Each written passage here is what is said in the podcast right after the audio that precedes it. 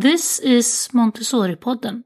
After a short introduction in Swedish, the interview with Laura Flores Shaw will follow in English. Välkomna till årets sista avsnitt av Montessori-podden. Idag blir det ytterligare en forskarintervju.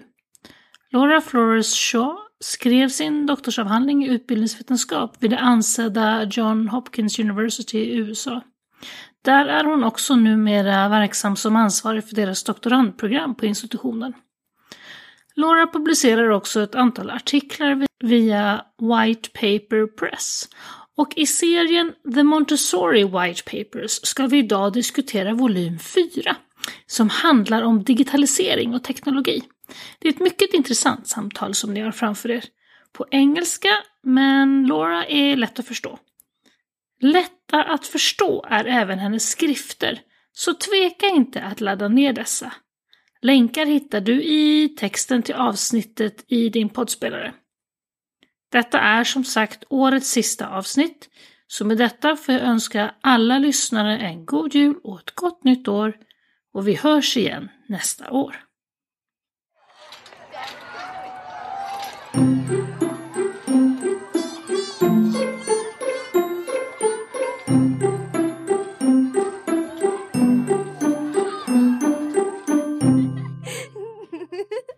Welcome, Dr. Laura Flores Shaw, to the Montessori podcast, Montessori Podden.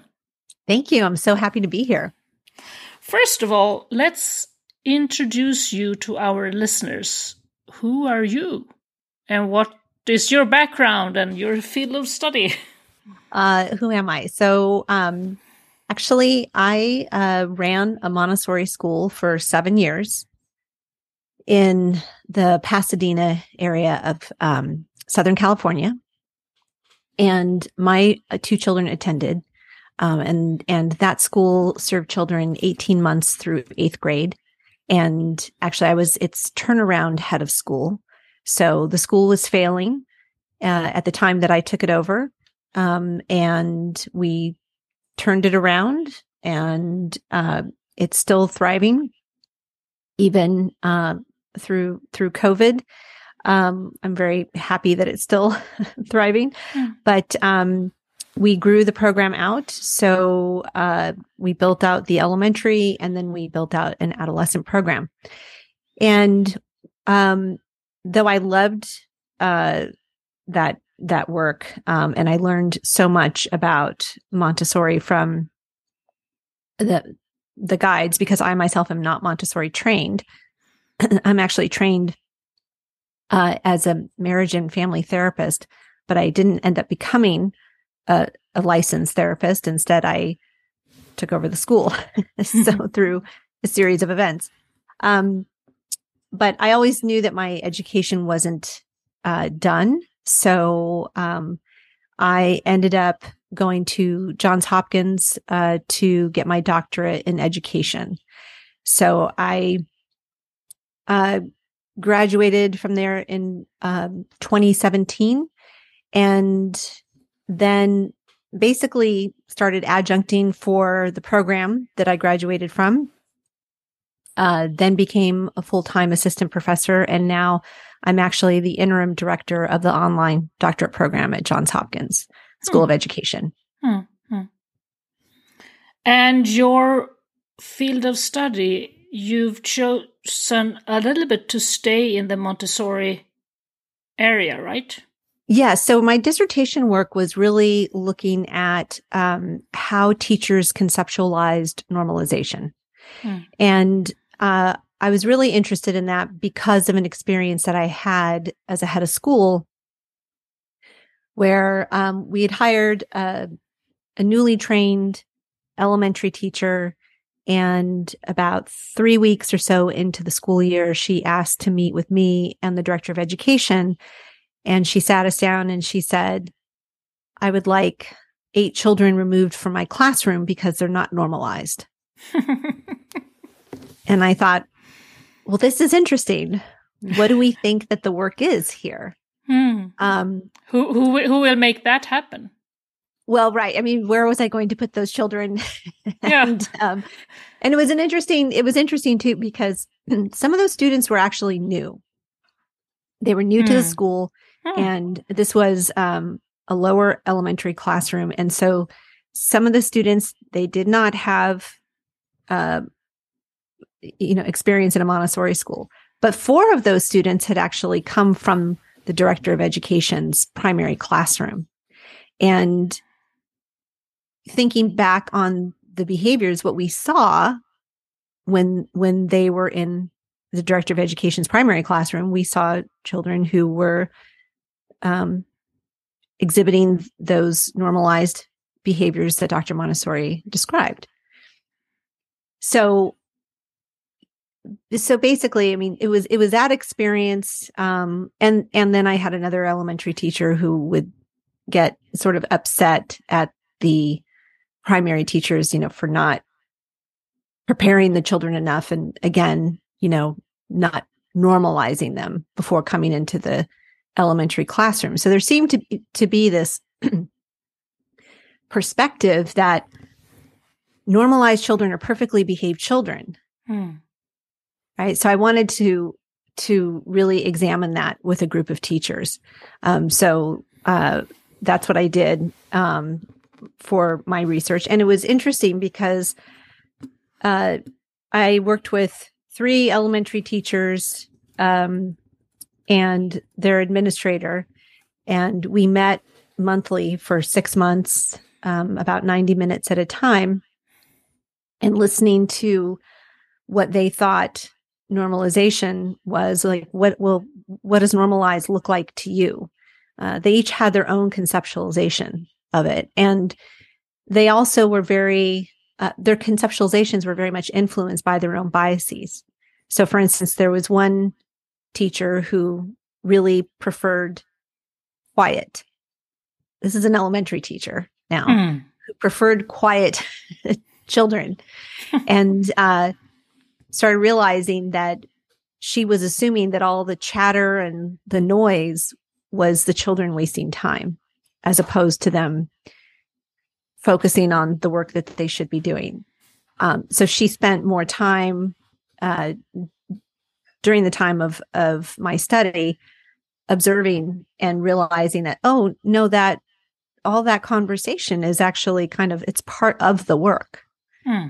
So um, but you know uh and this is not a criticism of these teachers this is this is really about us being humans right and having ideas and and mental models and conceptualizations of particular constructs and those conceptualizations are influenced by our own preferences and biases and so i think it's just important for us as educators um, to realize that we have those individual conceptualizations, right? And then, and then they are influenced by our biases. So we can look at them.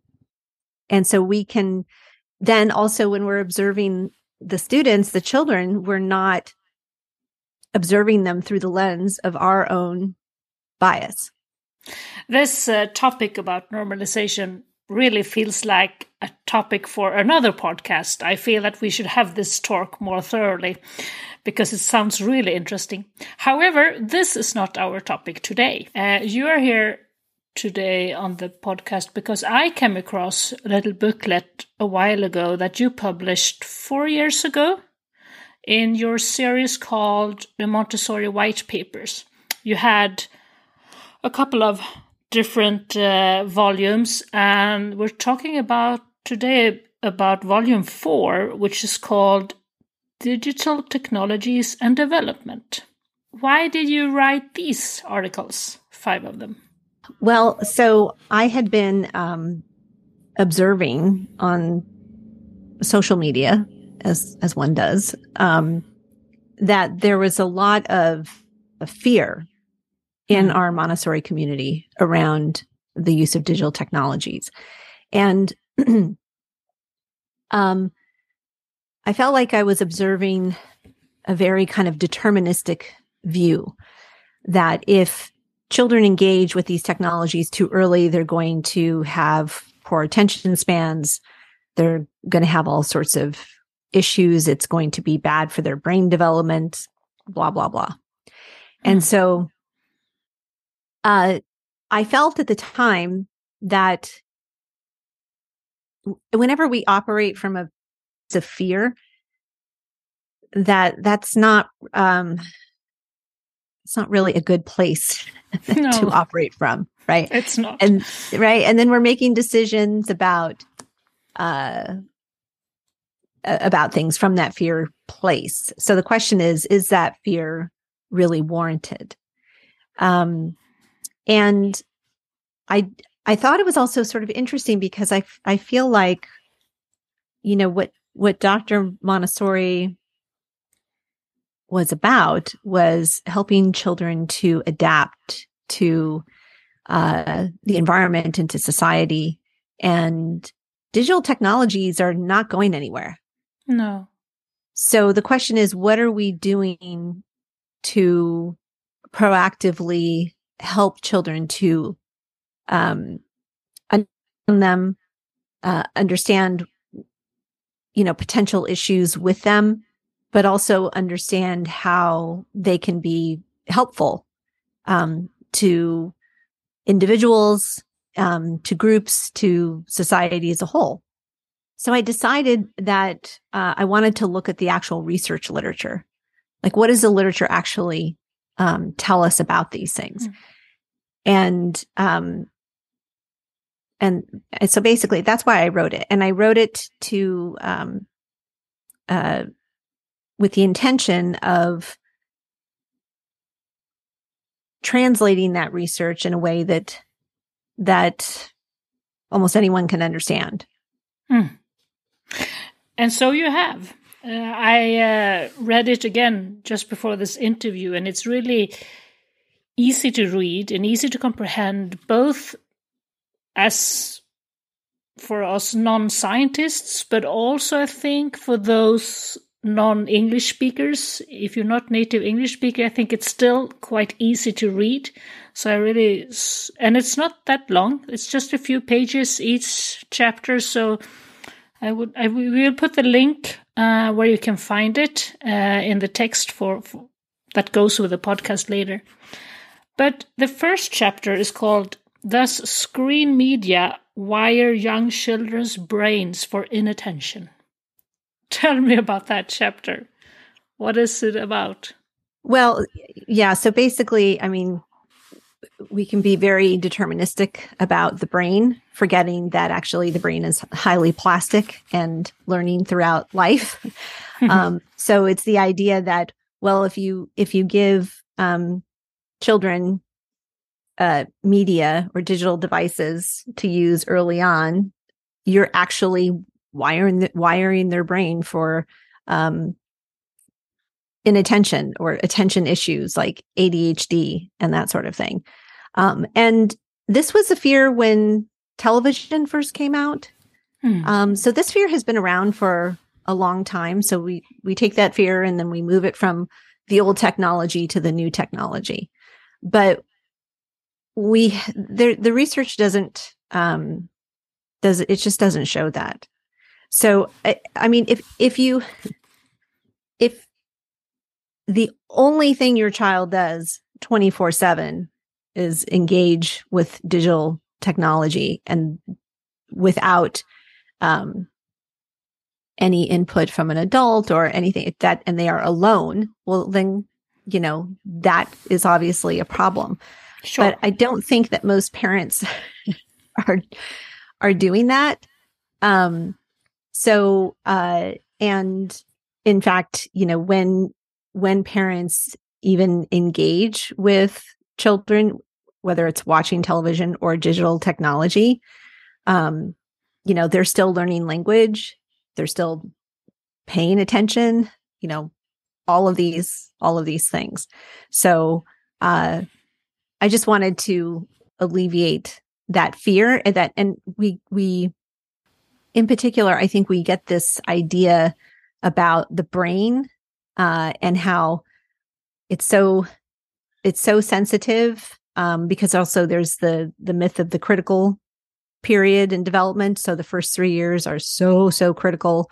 And so if you, if you mess that up, then their brain is, that's it. And that's, that's really not the case. Again, the brain is highly, highly plastic. So, um, that's why I wrote the, wrote the first one. You, you have uh, a paragraph here, which I think is really interesting. And it's, like you said before, it used to be TV, etc. Um, but you talk a little bit about correlation and causation when it comes to uh, ch- children with more challenging temperaments, getting more screen time, etc. Can you develop that little bit? Well, right. So we we tend to think in terms of causation. So we think handing them a device is going to then cause, you know, inattention or behavioral issues or whatever.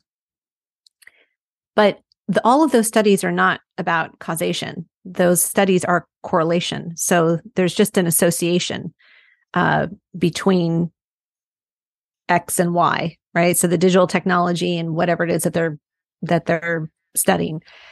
Um, but you can we forget, right, that we can have uh children who may be wired in such a way that they are um they can be a little um challenging sometimes for even their parents so they can't sit still uh, at all at a restaurant or something like that. And so it may be that the parent, because of the child's behavior, will hand the child something to watch just so that the family can eat hmm. and then they can move on. Right. So it's, but it's not the case that that family hands them a device and therefore that's why the child acts the way that they do. Right. It can be, it actually be the other way around. The child behaves this way, and this brings us a little piece for this amount of time.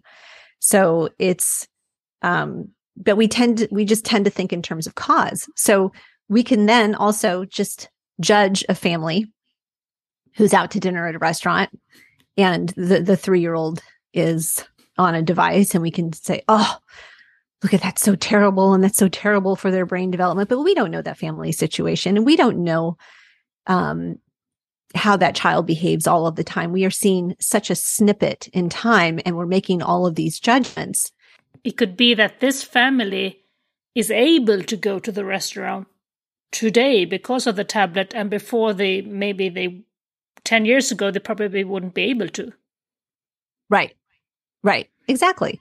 Right. With that exactly. So um so there's and and I do think that that um there's a lot there is a lot of judgment around um, parents and i don't mean that we as montessorians are judging parents i mean i think just just in general uh, mm. in society particularly mothers um, but you know even i was um, recently on a on a flight a cross country flight and there was a mother, I was sitting next to a mother and her little boy who must have been four.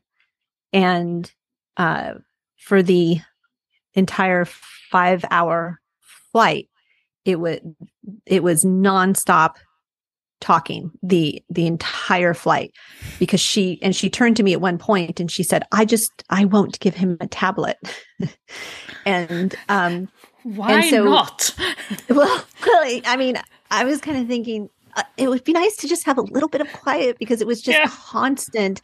It was it was for five hours, right? And yeah. so here you're in an environment where, I mean, and she was, you know, doing like a lovely kind of you know lovely job and talking to him, and, and here I am like talking about judging parents, and here I am judging her. Mm. But I think it, it was more just like kind of like, it's okay. He's not gonna he's not going nothing terrible is going to happen but you know and it was i i kind of felt badly for her because she also wanted to read her book at one yeah.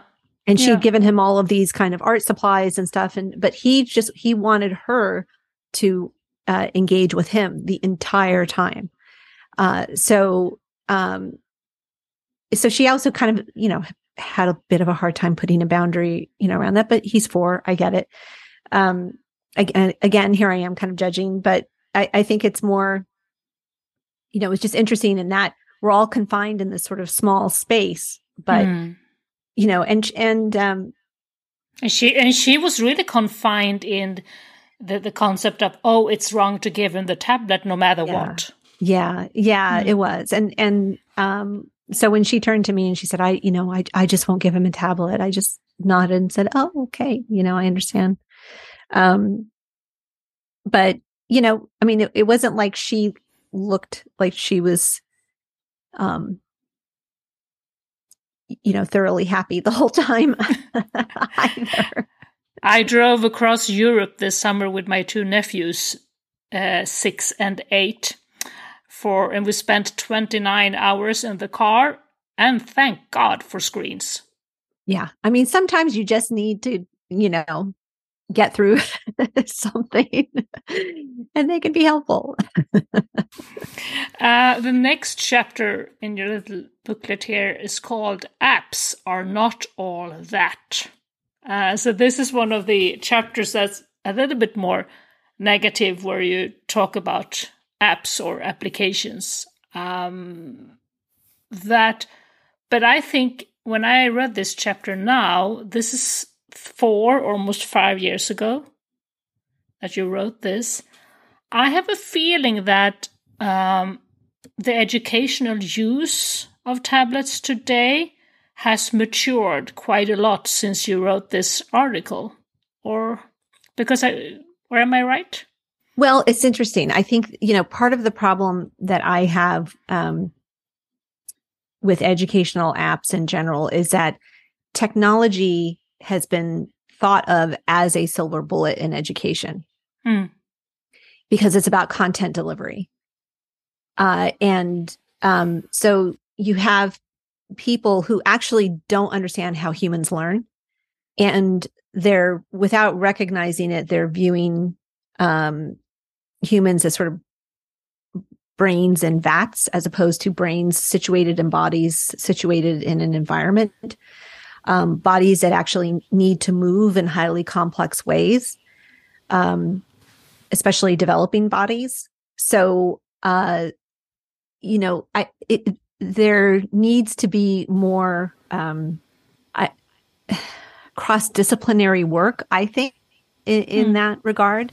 Um, that is sort of starting to to happen. I mean there are um, some researchers who are using technology in the classroom in a much more whole body way um, that is I- think truer truer to how humans development. So i'm thinking of um, dor abrahamson at berkeley.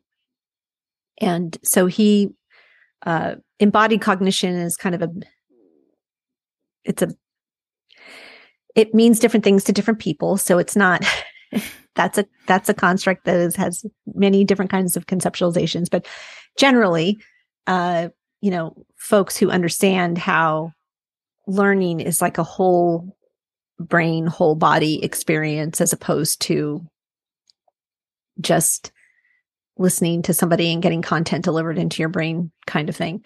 And um he uh abrahamson works he studies math um development of uh learning of math in particular and has his lab has created um technologies that basically through the movement and the waving of of a of a student's hands i'm not going to give this any kind of justice but it's like they will uh they'll manipulate a graph in a way that helps them to actually much more deeply understand the mathematical concept um, that is being learned. And so uh so that work is starting to happen which i think is really great.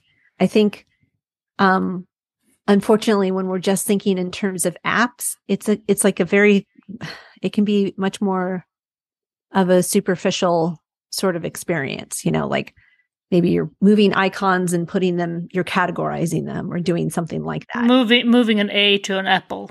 yeah yeah exactly right um so and there is there is a movement for a more radical um, embodied design.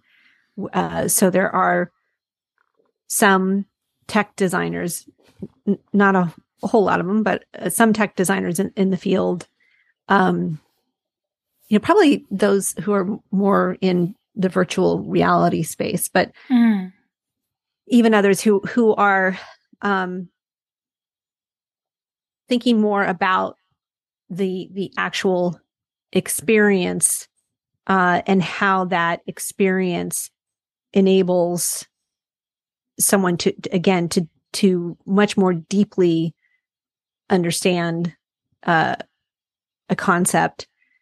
So I'm I'm hopeful, but right now, and what it has been for a long time, I think has been very kind of uh, superficial because I do think education as a field, once we once a new tool comes along, it, it becomes like, that's it. That's the thing that's going to mm. help every child. and you just see that a lot.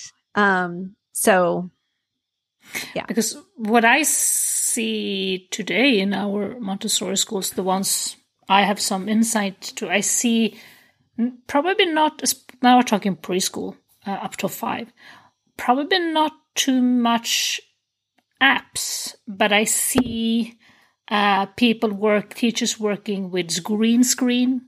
They're making green screen project, um, which is a very concrete way of talking to kids about source criticism, how you can, how something can be made to look like something else. So green screen works. I see uh, 3D when you talk about different animals to project a 3D animal in the classroom with the correct size and height and etc. I see a lot of work with QR codes. For instance, QR codes in the continent boxes.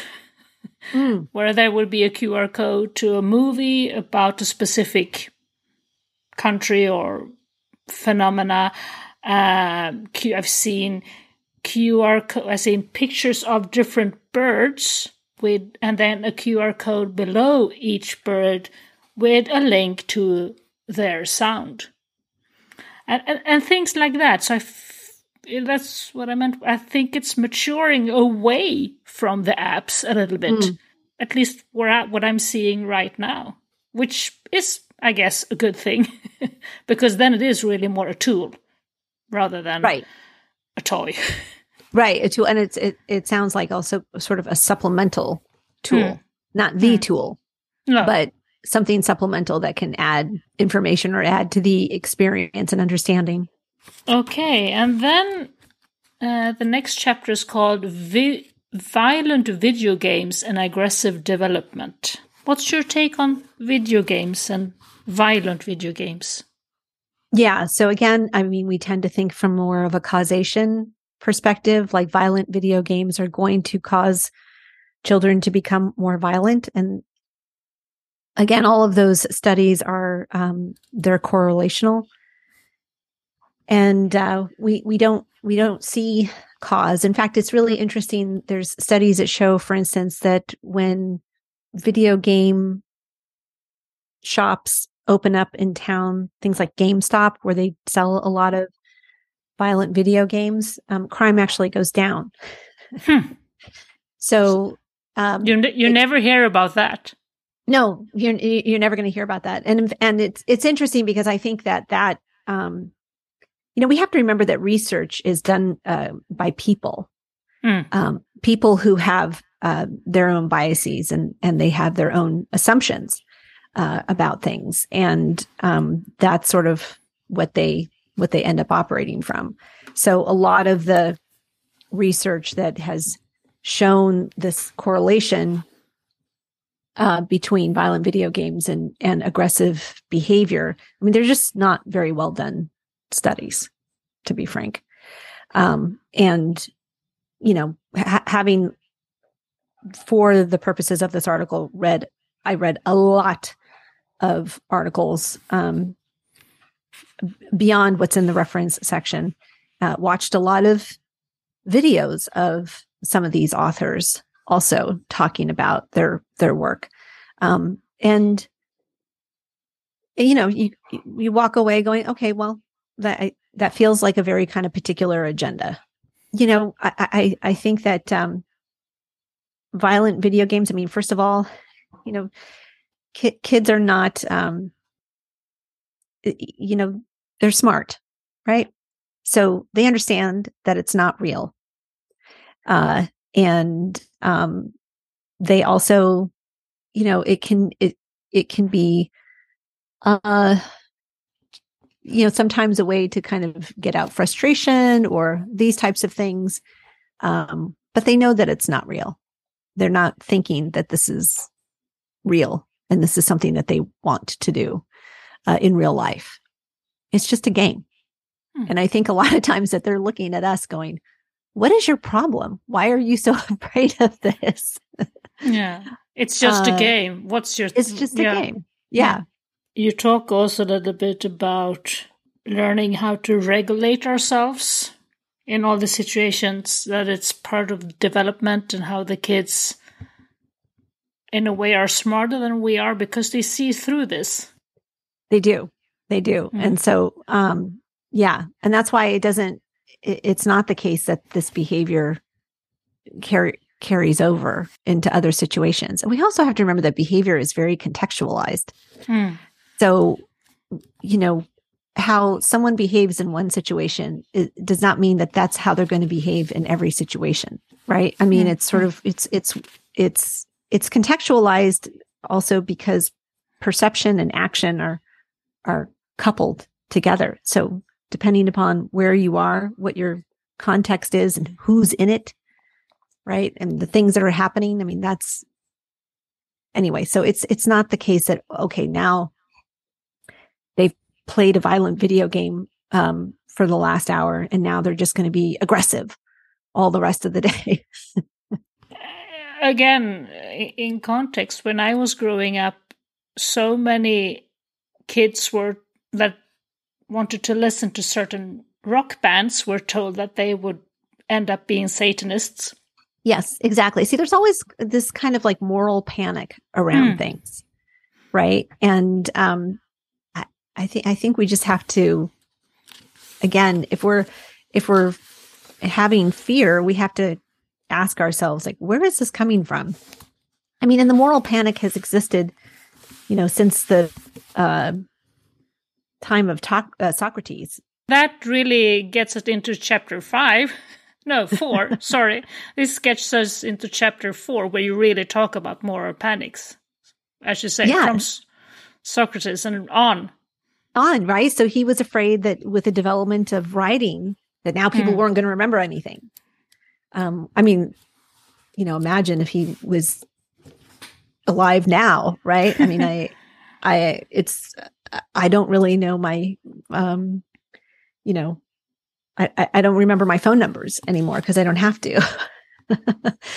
but, you know, uh, is that such a huge problem? I don't know. There's so much information out there. There's only so much that we can manage. Um, and these tools, they just, they help offload some of our cognition. And that's not necessarily a bad thing. But anyway, the moral panic though has occurred. It's, you know, it's, it's writing, it's then, um, violence it's tv when when tv came out it's it's uh video games all of these kinds of things and you just see the history repeats itself. Even the first telephones. Yes that's right. That is right. Yes all i mean we we seem as uh humans to be um ch- change is difficult. Mm. and, and we tend to fear things first and we kind of go it's interesting this is my theory in any case, we seem to go to extremes. So we will go from one extreme, then like kind of to another, and then it kind of at some point settles down into a middle place a little bit. But we like to start off with these extremes when when change happens. It's all going to be catastrophic.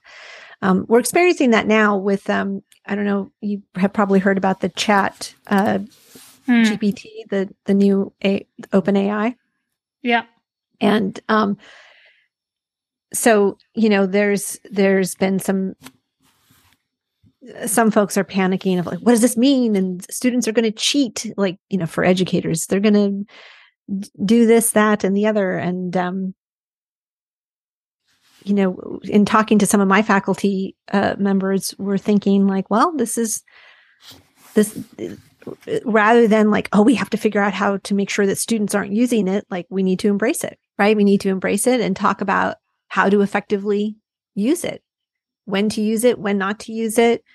You know the the fact that it's really it's not going to necessarily um you know if you're using it to write a paper well it, it may be in fact a, a pretty bland paper. Nothing creative really um so you know but you know how how why how might this help with a student's writing in some way um and maybe it's having the gp uh, the chat GPT produce a, a, small paragraph and the student, you know, um, looks at it and compares it maybe to their own writing or or something like this. I don't know. I mean, mm, I'm hmm, just mm. sort of spit, oh, yeah. spitballing here, but there's, you know, I think if we approach it from a place of fear,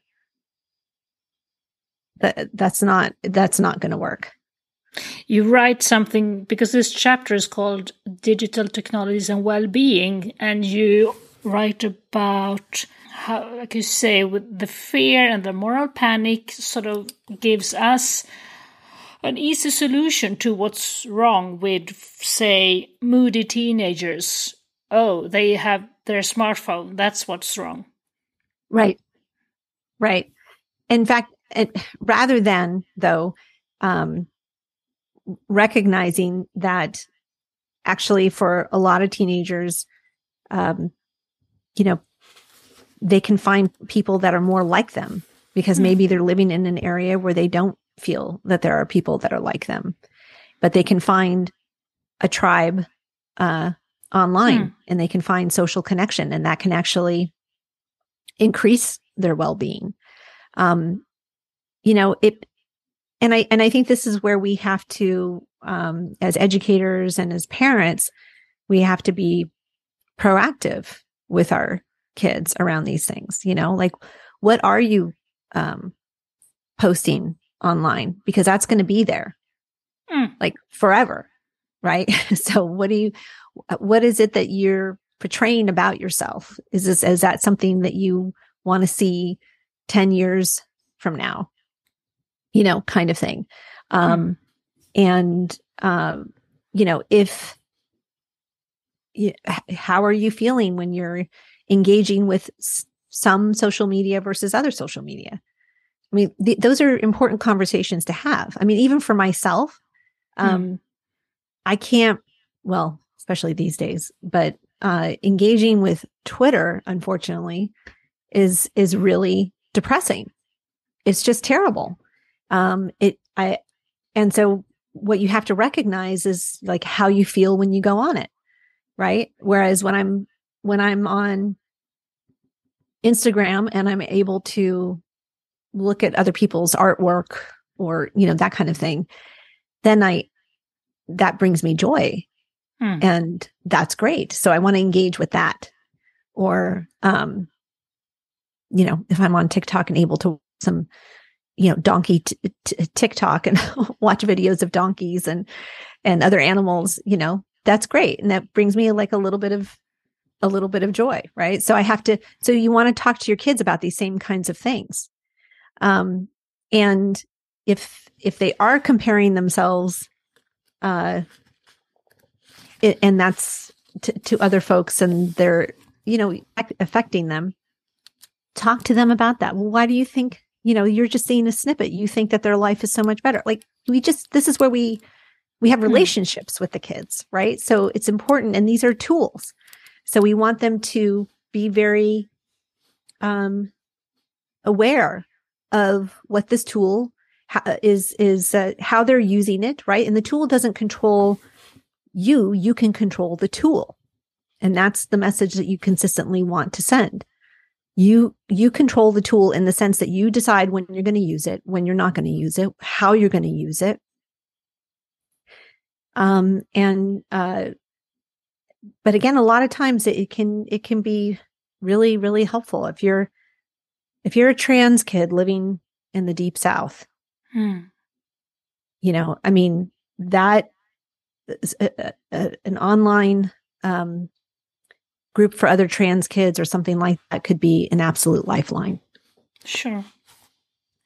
And uh, that brings us into the final chapter uh, in this, which is guiding the children in the digital society. And I think the first paragraph you have there with the f- most important advice, I think, is don't panic. Exactly. Don't panic because anytime we operate from fear, we're not going to make good decisions. We're not. So, can you elaborate the thought you have here about how Montessori education is preparation for life and not a protective bubble, as you say?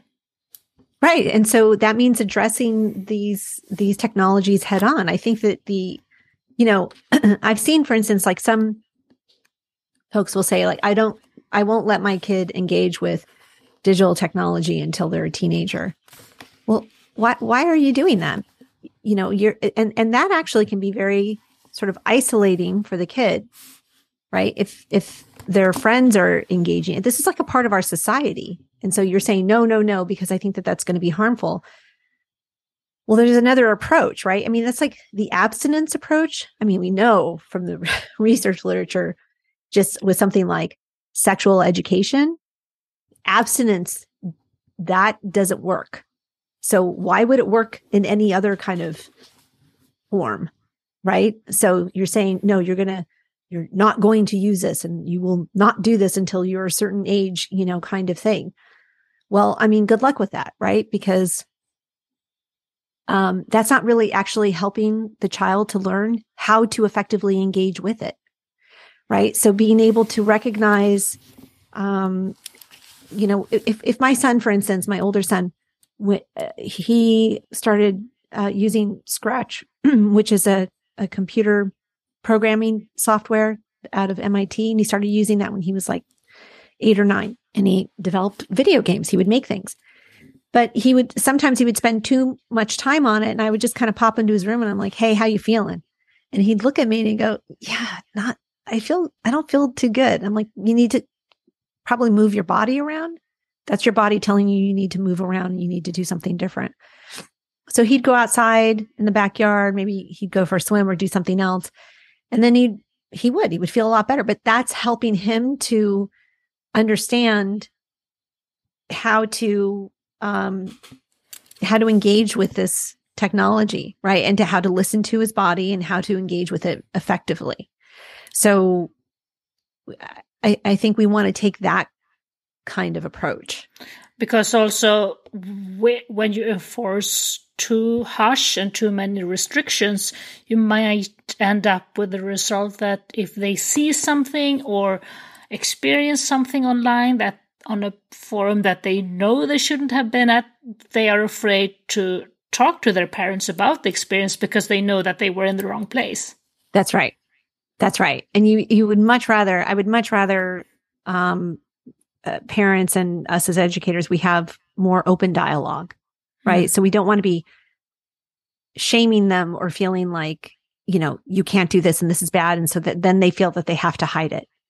Mm. Um that that that doesn't that doesn't help them at all. What's your take then? You write a little bit about the different parental strategies here, and one of them is the uh, uh, technical way, like filtering systems. What's your take on the filtering systems in regards to what we just discussed? Well, so I mean, I, I can only really I'm going to just speak from my own personal experience here, but Mhm. I, I never we never had filtering systems uh, in in our house for our kids. I I guess f- from our perspective, and this is this is just our perspective, but we we that was a conscious choice because we also wanted to our kids feel that we trusted them and you know and i mean there was you know there was a time when uh we had very few incidents but i think just there's one in particular where my younger son got onto some site and then he you know somebody ended up kind of chatting to him or something. I can't remember what the site was. And he freaked out but he the, he came and got me. He was like Mm. this is what happened. What do i do? Mm. and so we we talked about it and you know there was no like i'm mad at you for doing that. It's like okay this is what's out there. Let's deal with it. Here's what we do. And then he was like i am never doing that again. You know? Mm. and uh so you know i don't know. I mean w- eventually they're going to go away to college and we're not going to be able to control them right? So Hmm. to me it's just like we're we're trying to to control everything and the world is the world. Uh that doesn't mean that we go out of our way to expose them to things that they shouldn't be exposed to but i don't i i don't think that again trying to overly pr- protect them doesn't really prepare them No, but it certainly demands that you're um, present and have a good dialogue and conversation with the children. Yeah, exactly. And I think, you know, I mean, you know, when we've had look, I have two um two sons and so you know, you you want to out things that maybe are a little uncomfortable like pornography, you know, and that kind of thing and you know, so you I mean, I think it's just important that they, you know, so it's out there. If you watch a lot of it, it will start to that is something will where you will potentially want more and and things that are more explicit and that kind of thing. So you have to be you have to be aware Hmm. of that. And uh you know and so they are. Hmm, hmm, hmm. right? So you just it's it's uh and so that's where we also as parents we have to kind of you know educate ourselves. Like eh, but again you know and not come at it from like oh this this is what will happen to you. And it's just you know the, the matter of fact like studies actually do show that you know with consistent viewing and uh lots of viewing over time this is the direction that your brain kind of seeks more of it. So just you know Hmm. notice that be aware of that And I think that the key point you make in this article, I think also sums up this whole um, discussion quite well, where you talk about Montessori education as preparation for life, meaning not a protective bubble. Yeah. And don't panic. I Yeah. think that is really what it's about. Yeah, exactly. So that's why we, where we have to, you know, for us as as uh, parents or educators, we have to ask ourselves: is is my reaction? Am I am I coming from a place of panic and fear? Ah, yes, I am. So now I need to step back before I make any decisions about how I'm going to handle this with my child. Hmm. You know, and that's uh, and and that's what we need to do. I mean, there's all kinds of situations also uh, even not even around digital technologies but where we need to um we need to do that and there have been times in my children's lives where i have said i'm actually not the person to talk with you about this because i can feel the fear and panic rising in me so we're going to have you talk to so and so because Otherwise, I'm going to be talking to you from that place of fear and panic, and you don't need that. And that's what we need to do as the adults is Mm. rec- recognize that in ourselves. Thank you so much, Laura, for your time today. This was very interesting and enlightening. Well, thank you for having me. It's nice to see that people are still reading the white papers. so I appreciate that. Tack för att du har lyssnat. Glöm inte att ge oss ett betyg i din poddspelare. Jag heter Maria Schacki och gör denna podd för Montessori förskolor och skolor i Sverige AB. Du kan läsa mer om oss på www.montessorisverige.se.